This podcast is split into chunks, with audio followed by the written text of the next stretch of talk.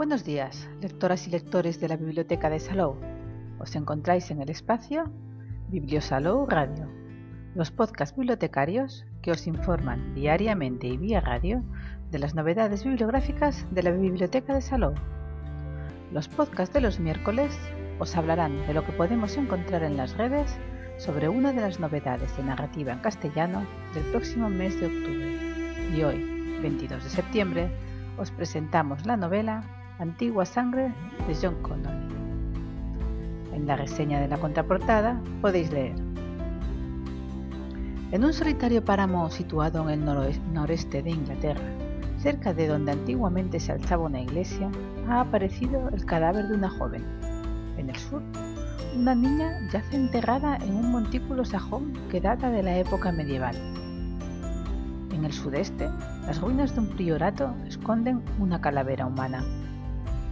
Cada una de estas muertes es un sacrificio, una invocación, pero se desconoce quién está detrás de estos crímenes.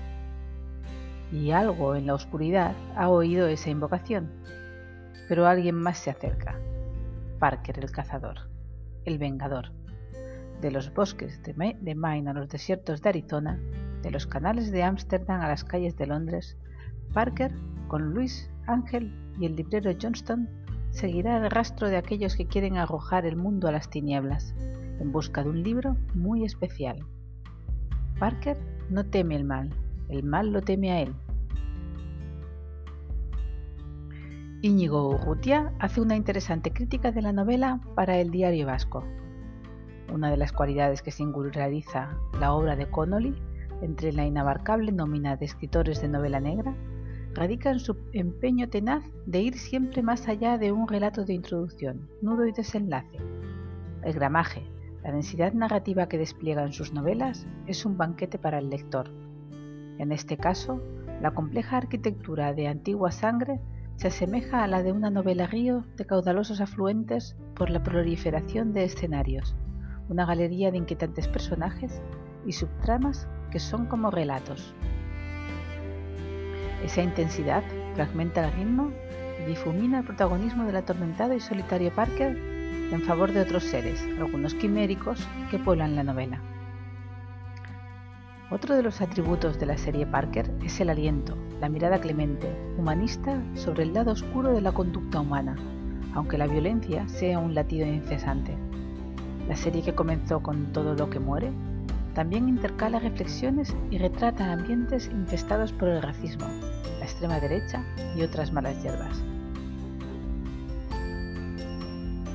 La decimoctava novela de la serie de Charlie Parker enlaza con el final de La Mujer del Bosque, cuando el maligno Atoll Quayle, un abogado inglés capaz de morir, y su doncella de hielo, Pálida Morse, tratan de recuperar unos pergaminos, vitelas, para completar el Atlas fragmentado, un libro secreto que emponzoña a quien lo toca y otorga a su poseedor la facultad de transformar el mundo o liquidarlo.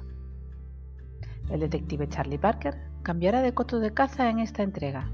El relato comienza cuando es requerido por el agente del FBI Edgar Ross para identificar un cadáver hallado en el desierto de Arizona que podría ser el de Morse, una vez identificado como un señuelo, el detective y sus inseparables Angel y Luis, con la incorporación del anticuario de libros Bob Johnston, se trasladarán a Ámsterdam y Londres, donde comienzan a aparecer asesinadas mujeres en diferentes lugares de culto, cuyos orígenes se remontan a épocas precristianas.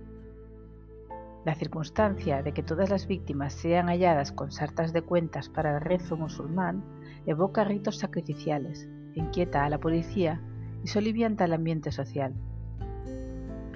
Parker comienza la cacería, mientras Quayle y Morse acrecientan el reguero de sangre con dos psicópatas, Sellers y Holme como ejecutores.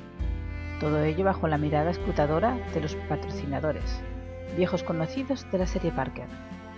Las escenas de terror, las visiones fantasmales, las pesquisas policiales y la mutua persecución entre Parker y Quayle convergerán en un desenlace que resolverá el enigma del Atlas.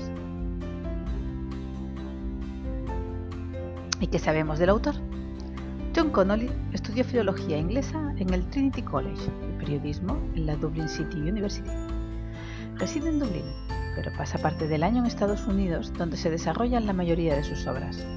Es autor de la novela Malvados, de los volúmenes de relatos de terror titulados Nocturnos y Música Nocturna, y del bellísimo Libro de las Cosas Perdidas, así como de la serie de novelas policíacas protagonizadas por el detective Charlie Parker, formada por Todo lo que muere, finalista del Bram Stoker Awards y del Barry Awards 1999, El poder de las tinieblas, Perfil asesino, El camino blanco, Barry Award 2003, El ángel negro, Los atormentados, Los hombres de la guadaña, Los amantes, Voces que susurran, Más allá del espejo, Cuervos, La ira de los ángeles, El invierno del lobo, La canción de las sombras, Tiempos oscuros, El frío de la muerte y La mujer del bosque.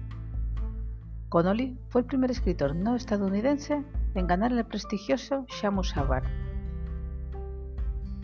Si os ha entrado el gusanillo y no podéis esperar a que salgan las novedades, podéis ir abriendo boca con los anteriores títulos de la serie, que podéis encontrar en la biblioteca y algunos de ellos en la Biblioteca Digital de Cataluña. Y hasta aquí el podcast de hoy, pero tenemos más novedades de narrativa en castellano que iremos descubriendo cada miércoles a las 11. Que tengáis muy buen día y muy buenas lecturas que os acompañen en el día a día.